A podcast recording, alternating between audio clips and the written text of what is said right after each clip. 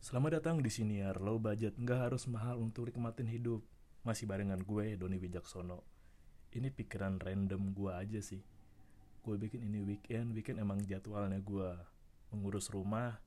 Gue lagi nyuci, iya gue lagi nyuci. Lo tau gak sih kayak di waktu senggang tuh suka ada pikiran random dan pas gue lagi nyuci, gue kepikiran gitu obrolan yang episode sebelum ini obrolan tengah malam banyak yang gue obrolin sama sohib gue dan kebanyakan tuh emang berbahaya buat tayang sih. Jadi kayaknya nggak gue post deh itu obrolannya tuh kita dapat 2 jam. Hampir 2 jam. Udah 56 menit sama 51 menit ya hampir 2 jam. Tapi gue simpen aja deh. Kadang kalau lo denger bisa jumpalitan pala lo kalau buat gue ya. Dan nggak aman juga buat gue dong.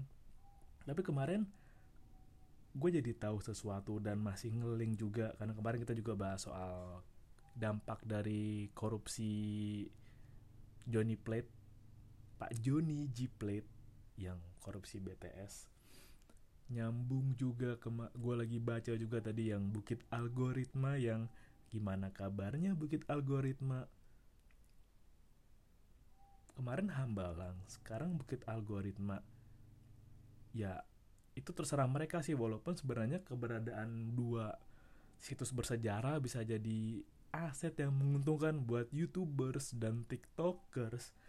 Ya buat personal branding mereka dan engagement mereka itu dua hal ya simbiosis simbiosis lucuisme. Bukan simbiosis komensalisme mutualisme parasitisme tapi simbiosis lucuisme.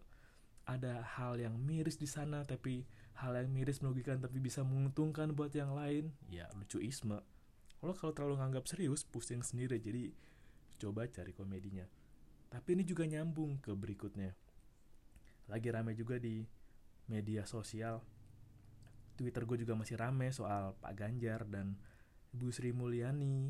Dan tentu kalau partai politik favorit saya lagi promosiin Bu Susi.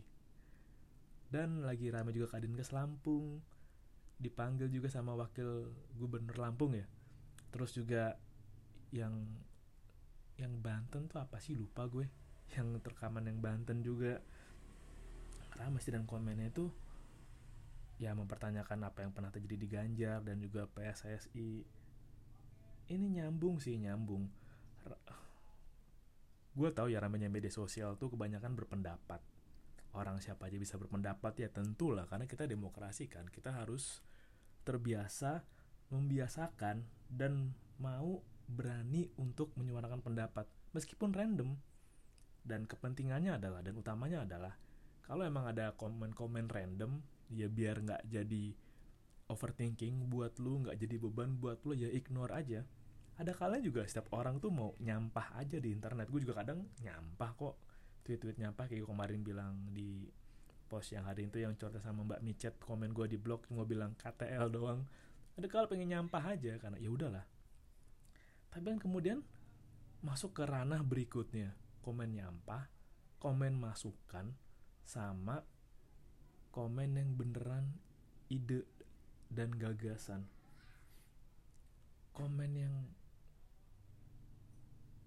orang bisa sih berkomentar kayak apa yang terjadi dengan perpolitikan hari ini apa yang terjadi dengan bukit algoritma hari ini apa yang terjadi dengan jiplet hari ini. Orang bisa buat komen orang bisa buat ya data. Tapi bagaimana dengan ide?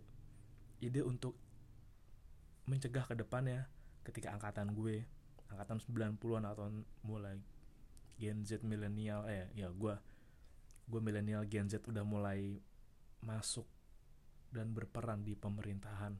Tentunya ranah berikutnya adalah maju ke bagaimana lu dan gue dan kita semua tuh beradu ide dan gagasan dan eksekusi.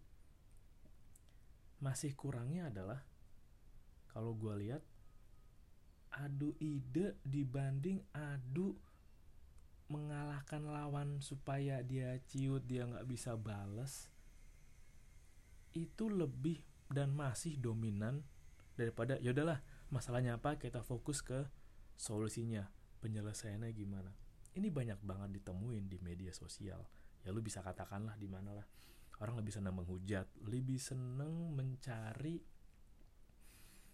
salahnya dibanding mencari cara untuk benarnya. Kayak kemarin yang si games yang atlet renang dia bilang nggak mau ikutin ini kan karena terlalu ramai dan dianggap sepak bola spesial. Dan kemarin juga ada di twitter gue lihat ada cerita atlet angkat berat ya yang perjuangan dari angkat dari angkat besi-besi yang karatan sampai angkat barbel itu perjuangannya gimana? Betapa hebatnya mereka latihan ambisinya. Setelah gue lihat oh dari sea games kemarin memang hebat hebat banget. Kita banyak mendulang juara basket putri itu juga wah itu bagus banget loh. Menandakan bahwa potensi kita sebenarnya besar. Potensi kita tuh banyak banget dan emang banyak gue berharap bahwa ya beban apa kemarin oh ya beban demografi itu nggak terjadi. Yang terjadi mau ya lo keuntungan demografi. Bagaimana cara penyelesaiannya? Dengan adu ide adu gagasan. Makanya gue bikin siniar gue sampein ide gue lewat siniar dan gue harap ya ada satu dua orang di sana dapat ide gue lo bisa terapin di luar atau lo bisa adu ide dengan gue adu gagasan agar enggak atau gampang gini deh. Lu sebel nggak kalau lu dipimpin oleh orang yang kurang kompeten? Gue tau ini agak subjektif tapi misalkan ada orang mempunyai planologi yang bagus ya tata kota lah. Dia punya manajemen yang bagus belajar keuangan juga yang bagus katakanlah di sebuah firma advokat lah oke okay. nah oke okay. oke okay, itulah tugas gue tugas rumah mingguan ada di sebuah advokat atau konsultan konsultan apa itu desain ya desain rumah tata letak lu punya kemampuan yang bagus planologi yang bagus lu punya skill yang bagus, skill ekonomi yang bagus, manajemen yang bagus, lu dipimpin oleh orang yang hanya ya katakanlah bisa karena emang punya privilege buat mimpin lu. Ini selalu nempel di kepala gue dan gue harap ini masuk akal sejauh ini masuk akal buat gue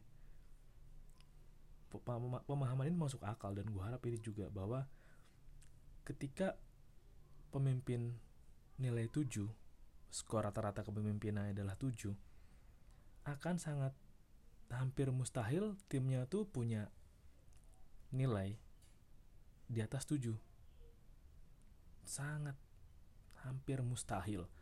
Karena kalau emang timnya ya pemimpin punya nilai 7, timnya punya nilai 8 atau 9, ya pasti dia gantiin pemimpinnya dong. Masuk akal nggak?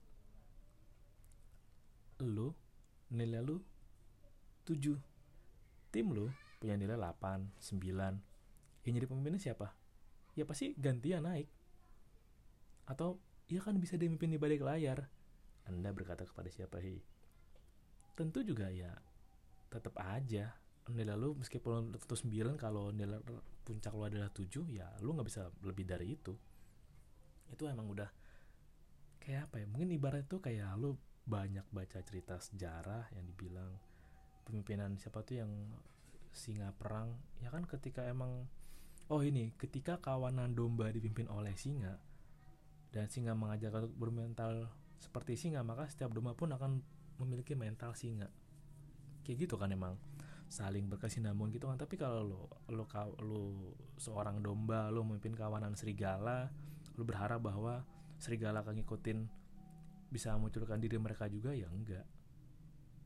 Mereka jadi domba juga. Beda kan? Beda lah. Ini berlaku di kepemimpinan bukan di kalau guru ya. Kalau guru ngajarin kan emang tujuannya kan mentransfer ilmunya nilai mereka agar lo bisa mengeluarkan potensi lo agar lo ada gambaran lo jalan mau ke mana. Kalau dari pemimpin kan lo berada dalam satu ruangan. Kalau guru kan lu disiapkan dalam satu ruangan dan ketika lu keluar dari ruangan itu lu bisa tahu lu udah tahu mau ke mana. Nah balik lagi ke diskusi ide. Kalau gue suka ngobrol tuh sama sohib gue gue suka ngobrol emang kayak ide kayak gagasan kalian dan juga kayak dampak kemarin. Karena lu terlalu capek fokus mencari yang salah terlalu banyak energi lo yang keambil kalau lu mencari siapa yang salah? Siapa pelakunya? Ayo kita hukum sekarang. Gue pengen juga lo mau membiasakan diskusi ide. Lo bisa dimulai dari berani mengopinikan menyuarakan pendapat lo. Tapi sebelum lo berani pun lo juga mesti punya filter sendiri. Lo mesti hati-hati memilih kata dan jangan frontal ke yang sensitif. Misal lo punya teori yang sangat liar lah soal pemahaman soal keyakinan lebih baik lo simpan sendiri dulu diskusikan secara offline dengan orang yang kompeten. Lo mulai perbanyak baca buku. Dan gue lagi baca buku Bling karya si yang buku 10.000 jam. Siapa itu? Lupa gue namanya. Bukan Peter Thiel. Hmm nah, gue lupa deh. Gue lagi baca buku Bling yang dia bikin buku 10.000 jam itu. Dia bilang bahwa ya kemampuan orang dan kemampuan mengadu ide. Gue nyusun kata-katanya dulu ya. Ternyata setiap perilaku kita itu diciptakan dari apa yang terjadi di alam bawah sadar. Dan nyambung juga ke apa yang lo pikirin apa yang terjadi di benak lo sebentar. Kenapa mah? Oke udah udah oke udah. Udah udah angkat udah. Tunggu ya. Nah oke sorry. Nah apa yang terjadi di benak lo di kepala lo itu terjadi dengan apa alam bawah sadar lo ketika lo punya pendapat yang salah atau katakan cara berpikir yang kaku yang susah berkembang mungkin. Terlalu kasar sih atau ya pola pikir yang stuck berpendapat bahwa apa yang menurut lo benar adalah benar itu bisa terjadi bahwa itu, itu bisa terjadi karena alam bawah sadar lu. Apa yang terjadi dengan apa yang pernah lu baca apa yang pernah lu lihat khususnya adalah apa yang pernah lu baca. Ternyata tuh gue gue ceritain sedikit deh ini gue baru baca sedikit dan kaget sih. Jadi ada penelitian dia di bukunya di, di buku Bling ya. Nanti lu bisa baca sendiri bukunya. Ada penelitian mahasiswa yang di jadi eksperimen mereka tuh disuruh kasih tugas susun kata kan. Di setiap tugas susun kata itu diselipin kata-kata yang bersifat atau condong ke mengarahkan ke satu sifat. Ada yang sifat penyabar ada yang sifat ke egois. Nah penelitian sebelumnya juga mahasiswa diminta menyusun kata dan di setiap kata diselipin bahwa eh diselipin ada kata-kata tua dan resah. Setelah mahasiswa itu ngisi menyusun kata menyusun kata itu ada lima ada berapa soal disusun katanya dari lima kata disusun jadi satu kali jadi disusun ulang katanya.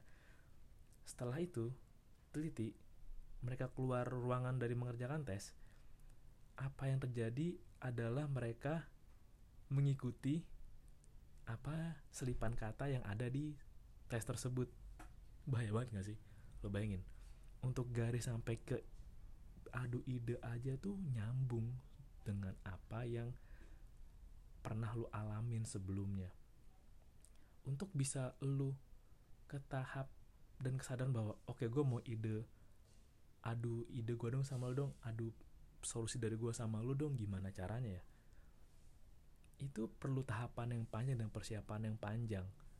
Bukan berarti lama ya bagaimana keinginan lu sendiri untuk mau merubah pola pikir dan mau mendorong maju diri lu tuh juga ngebantu cepatnya proses kesadaran itu. Karena udah mulai capek nanti ketika akan menjelang 2024 lo akan banyak disajikan debat-debat ide-ide. Idenya mungkin terlihat wow. Tapi secara pelaksanaan lo akan bertanya why? Itu udah pernah terjadi di pemilu sebelumnya. Ya katakan zaman Pak Anies sama Pak Ahok dulu. Jangan katakan kayak gitu atau Pak Prabowo Jokowi. Udah pernah debat kan kayak lo bertanya hah? Oke okay. ini adu ide oke okay. tapi bagaimana lo bisa memunculkan ide ini ya? Untuk bisa tahu lu punya ide yang bagus tapi realistis lu perlu pengalaman dan lu emang perlu belajar dari yang pengalaman. Baca buku aja baca buku nonton obrolannya dan kutip aja kutip. Karena ketika lu bilang itu ide asli dari lu itu akan mengerikan sih karena lo akan ditagi jadi kalau mau cari aman udah gue dapat ide nih gue nonton dari penjelasan tadi kayak planologinya si A tata cara dia sekian dan gue setuju dan gue ngeliat data dari geografinya si B. Gue kemudian ngobrol sama ya, data petahana si C. Gue kombinasiin semua jadi satu. Karena hanya ide berdasarkan kayak nanti saya akan tuntaskan kemiskinan. Atau oke okay, nanti deh gue akan buat harga sembako murah. Harga barang-barang turun. Harga komoditi turun beradu ide yang penuh isi penuh kejelasan itu memang berbeda jauh dengan ide yang gue punya ide-ide yang oh ide-ide yang mengawang. Takutnya tuh ketika lu belum terbiasa kayak mengasah sendiri pertanyaan lu kayak lu pernah nggak bertanya sama diri lu sendiri lu mencari jawabannya dan lu ketemu jawaban itu sendiri lu pernah kayak gitu nggak? Kalau gue beberapa. Dan sering juga gitu sih. Sama juga ketika nanti lu udah mulai partai politik nanti udah mulai rame debat lu terpesona dengan sama ide tapi ternyata idenya tuh mengawang itu akan membahayakan banyak orang. Maksud gue sama lu. Ya berkaca dari kemarin ide yang pemilihan gubernur Lampung kan saya akan perbaiki jalan Lampung gitu. Ternyata masih banyak PR yang masih dipekerjakan.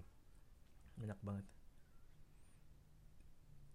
Makanya agak kocak sih kalau nanti akan debat kayak di LK kemarin aja. Kita ada Rocky Gerung debat sama Pak Ruhut Stompul bukannya adu ide saya kemarin ke Pak Rocky Gerung kan bilang oh saya membaca buku dari ini dia bilang bla bla bla. Kata Ruhut bohong itu bohong. Nggak mungkin kayak gitu. Eh mana bisa kayak gitu? Ya saya juga mau baca buku dari dia bilang ada eksperimen bak katakan ah nggak mungkin lah masa begitu? Hei kau ini halu bla bla bla ya.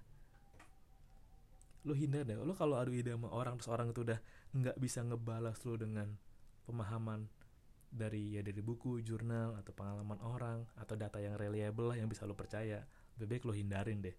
Lo akan buang-buang energi lo jauh. Dan lo akan ngasih makan ego oleh orang yang benci sama lo lo akan ngasih makan orang ego yang eh lo ngasih lo akan ngasih makan ego ke orang yang emang seneng perpecahan aja.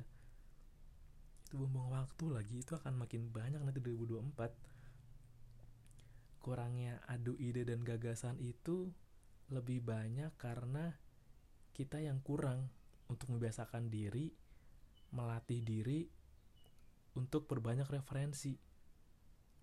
Makanya baca buku itu penting. Kalau buat gue baca buku jurnal berita itu penting. Biar referensi lu banyak lu punya banyak pilihan alam bawah sadar lu mengolah semua informasi yang lu punya informasi alternatif yang lu punya dan ngebantu lu ketika lu mau ngomong ngebantu lu ketika lu mau mengambil keputusan apa yang alam bawah sadar udah siapin dari kebiasaan lu yang punya banyak pilihan ini akan ngebantu lu ketika membuat penilaian, bertindak cepat. Nah, itu sama apa yang kayak di buku Bling. Itu udah terbukti. Itu buku bagus sih. Gue baru baca sepertiga. Itu udah. Oke, gue baru 84 deh kayak dari 84 deh. Dari 200 300-an. Belum sepertiga sih. Tapi sejauh yang gue baca itu sangat menyenangkan. Dan harapan gue adalah gue mau lo berbanyak referensi apa pun itu. Lintas dari apa yang lo pelajarin kebanyakan dari kita kan kayak masih oke okay lah kayak gue lulusan hukum gue mempelajari hukum terus sampai ahli terus gue sampai lupa belajar soal hukum juga linear sama manajemen sama ekonomi sama politik sama budaya sama antropologi sama sosial. Semua tuh saling berhubungan punya irisan masing-masing. Kalau lo belajar irisan tuh di matematika SMP tuh semua tuh akan ibarat kata dua lingkaran bertemu tengah-tengah tuh. Nah semua itu punya irisan tengah-tengah antara gabungan dua lingkaran itu. Semua punya irisannya sendiri semua punya keterhubungannya sendiri. Dan untuk lo menjadi pribadi yang lebih baik untuk lo menjadi orang yang di atas rata-rata adalah lo bisa menghubungkan semua titik-titik itu jadi satu kesatuan. Jadi sering berkesinambungan ketika lo tadi gue mau ngebahas soal ide nih ide membersihkan misalkan ingin memajukan pembangunan kota lah. Kayak gue habis baca di twitter kemarin yang di Seoul jalan tol diilangin dibuat jadi taman kota yang panjang yang lebar tapi semua transportasi umum disiapin dengan sedemikian rupa dengan sedemikian baik. Jadinya tuh Seoul banyak ngomong Seoul. Seoul punya struktur kota yang bagus banget gue lihat tuh oleh wali kota yang dulu tahun 70-an kan. Nah kayak gitu tuh. Jadi kayak oke okay lah gue punya ide nih lu persiapan nanti. Lu bisa ngamatin bahwa ketika lu udah punya referensi yang banyak lu udah terbiasa jangan percaya sebelum ada atau bisa dibuktikan secara kedataan lah secara data lo akan tahu bahwa mana ide yang ngawang mana ide yang hanya omongan liar lah nanti lo akan kelihatan deh. Lo akan bisa ngeliat nanti lo akan tahu bahwa ketika lo ngobrol sama orang lo punya ide tapi eh, gue bisa bantah ide lo. Soalnya agak nggak masuk. Dan emang kemudian bakal nyambung sih. Ketika lo debat sama orang pertanyaan adalah apakah perbedaan pendapat gue dan pendapat lo terutama perbedaan pendapat gue mengenai lo bisa membuat kita tetap baik-baik aja itu dua hal yang berbeda dan itu PR yang masih jauh panjang. PR kita tuh masih banyak PR membiasakan berpikir dulu jangan berkesimpulan utuh atas informasi sepotong membangun kebiasaan memperkaya referensi berbanyak referensi pengetahuan PR untuk berani menyuarakan pendapat nggak beromongan kosong hanya sekedar nyampah doang kurangi nyampahnya tapi ya berekspresi dengan berbobot berekspresi dengan apa yang pernah lu baca nggak murni opini lu atau lu punya opini lu bilang opini lu tapi opini disertai dengan penalaran yang baik. Nyambung lagi bahwa bagaimana cara bisa memiliki penalaran yang baik? Kemarin ada tuh video Mbak Kania yang dibilang cara memiliki nalar yang baik kalau nggak salah itu cara berpikir yang baik itu lu bisa ikutin dari sana juga. Nyambung lagi bahwa ketika lu udah berdiskusi dengan orang diskusi ide dengan orang lu bisa memperadu argumen lu memperadu gagasan lu dengan dia mana gagasan yang paling baik kemudian ke tahap berikutnya adalah apakah perbedaan pendapat kita bisa dimaknai dengan baik-baik aja kita setelah ini ya udahlah apa yang terjadi di perdebatan hanya di perdebatan aja. Itu akan dua hal berbeda lagi. Kemudian nyambung lagi. Ketika gue ada debat sama lu oke okay lah. Orang yang di belakang lu yang pengikut lu lah. Misalnya gue punya pendapat beda sama lu lu, lu orang mayoritas gue orang minoritas.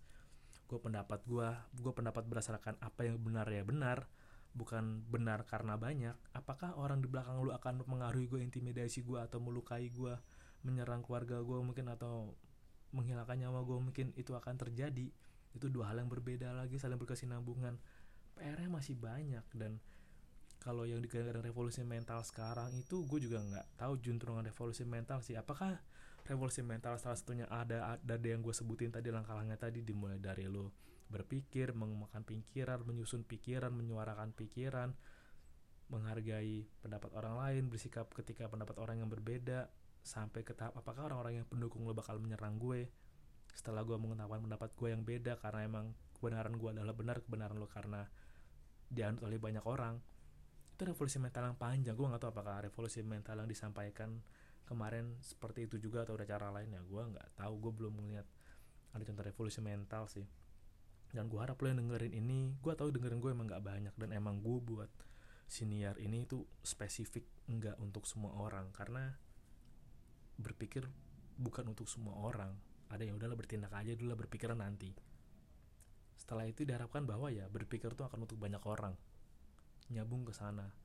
Akan sangat menyenang akan sangat menyenangkan menyenangkan menyenangkan ketika lo menggunakan pikiran lo dengan baik. Lo akan tahu bahwa gila Tuhan itu maha hebat banget. Tuhan itu menciptakan hal yang di luar imajinasi gua yaitu dalam pikiran gue lo akan nyambung ke arah sana nanti. Ujungnya ketika lo membiasakan berpikir lo melatih pikiran lo melatih pikiran lo juga adalah hal yang berbeda lagi. Nyambung ke revolusi mental karena mental adalah berasal dari apa yang kita pikirin panjang kan. Lu kalau agak susah mencerna apa yang gue bilang lu bisa mundurin kata-kata gue tadi terus ya dipelanin dikit lah ritmenya. Karena kadang tuh apa yang muncul di kepala gue tuh terlalu cepat dan udah der tetet gitu. Kayak udah beralur dan keluar aja. Itu yang mesti gue pelan-pelan untuk coba omongin sih. Mungkin ada yang bilang ritme ngomong gue terlalu cepet ya udah gue coba pelanin deh. Gue harap lo jadi mau lebih berani mengadu gagasan lu ide lu dari hal-hal yang bisa diuji kebenarannya bukan dari pendapat kosong. Dan udah mulai hati-hati lah. 2024 akan banyak serangan dan toxic di media sosial yang lu mesti pinter-pinter cegah agar biar nggak ganggu pikiran lu nggak buat overthinking dan buat lu nggak nyaman. Dari post orang aja tuh kalau lu perhatiin ya gue baca twitter twitter gitu juga ada post-post orang tweet-tweet orang yang bikin gak nyaman apalagi tiktok. Ada beberapa hal yang bisa ganggu rasa insecure lo ada lo lo mesti hati-hati dalam hal itu. Terima kasih udah dengerin episode kali ini gue mau lanjut nyuci lagi gue mesti angkat jemuran udah gue angkat jemuran gue sih. Lo tau nggak? Keren kan? Ya, nyuci orang nanya nyuci sama gosok capean mana? Jawaban gue capean gak ngapa-ngapain. Terima kasih udah dengerin dan salam low budget. Gak harus mahal untuk nikmatin hidup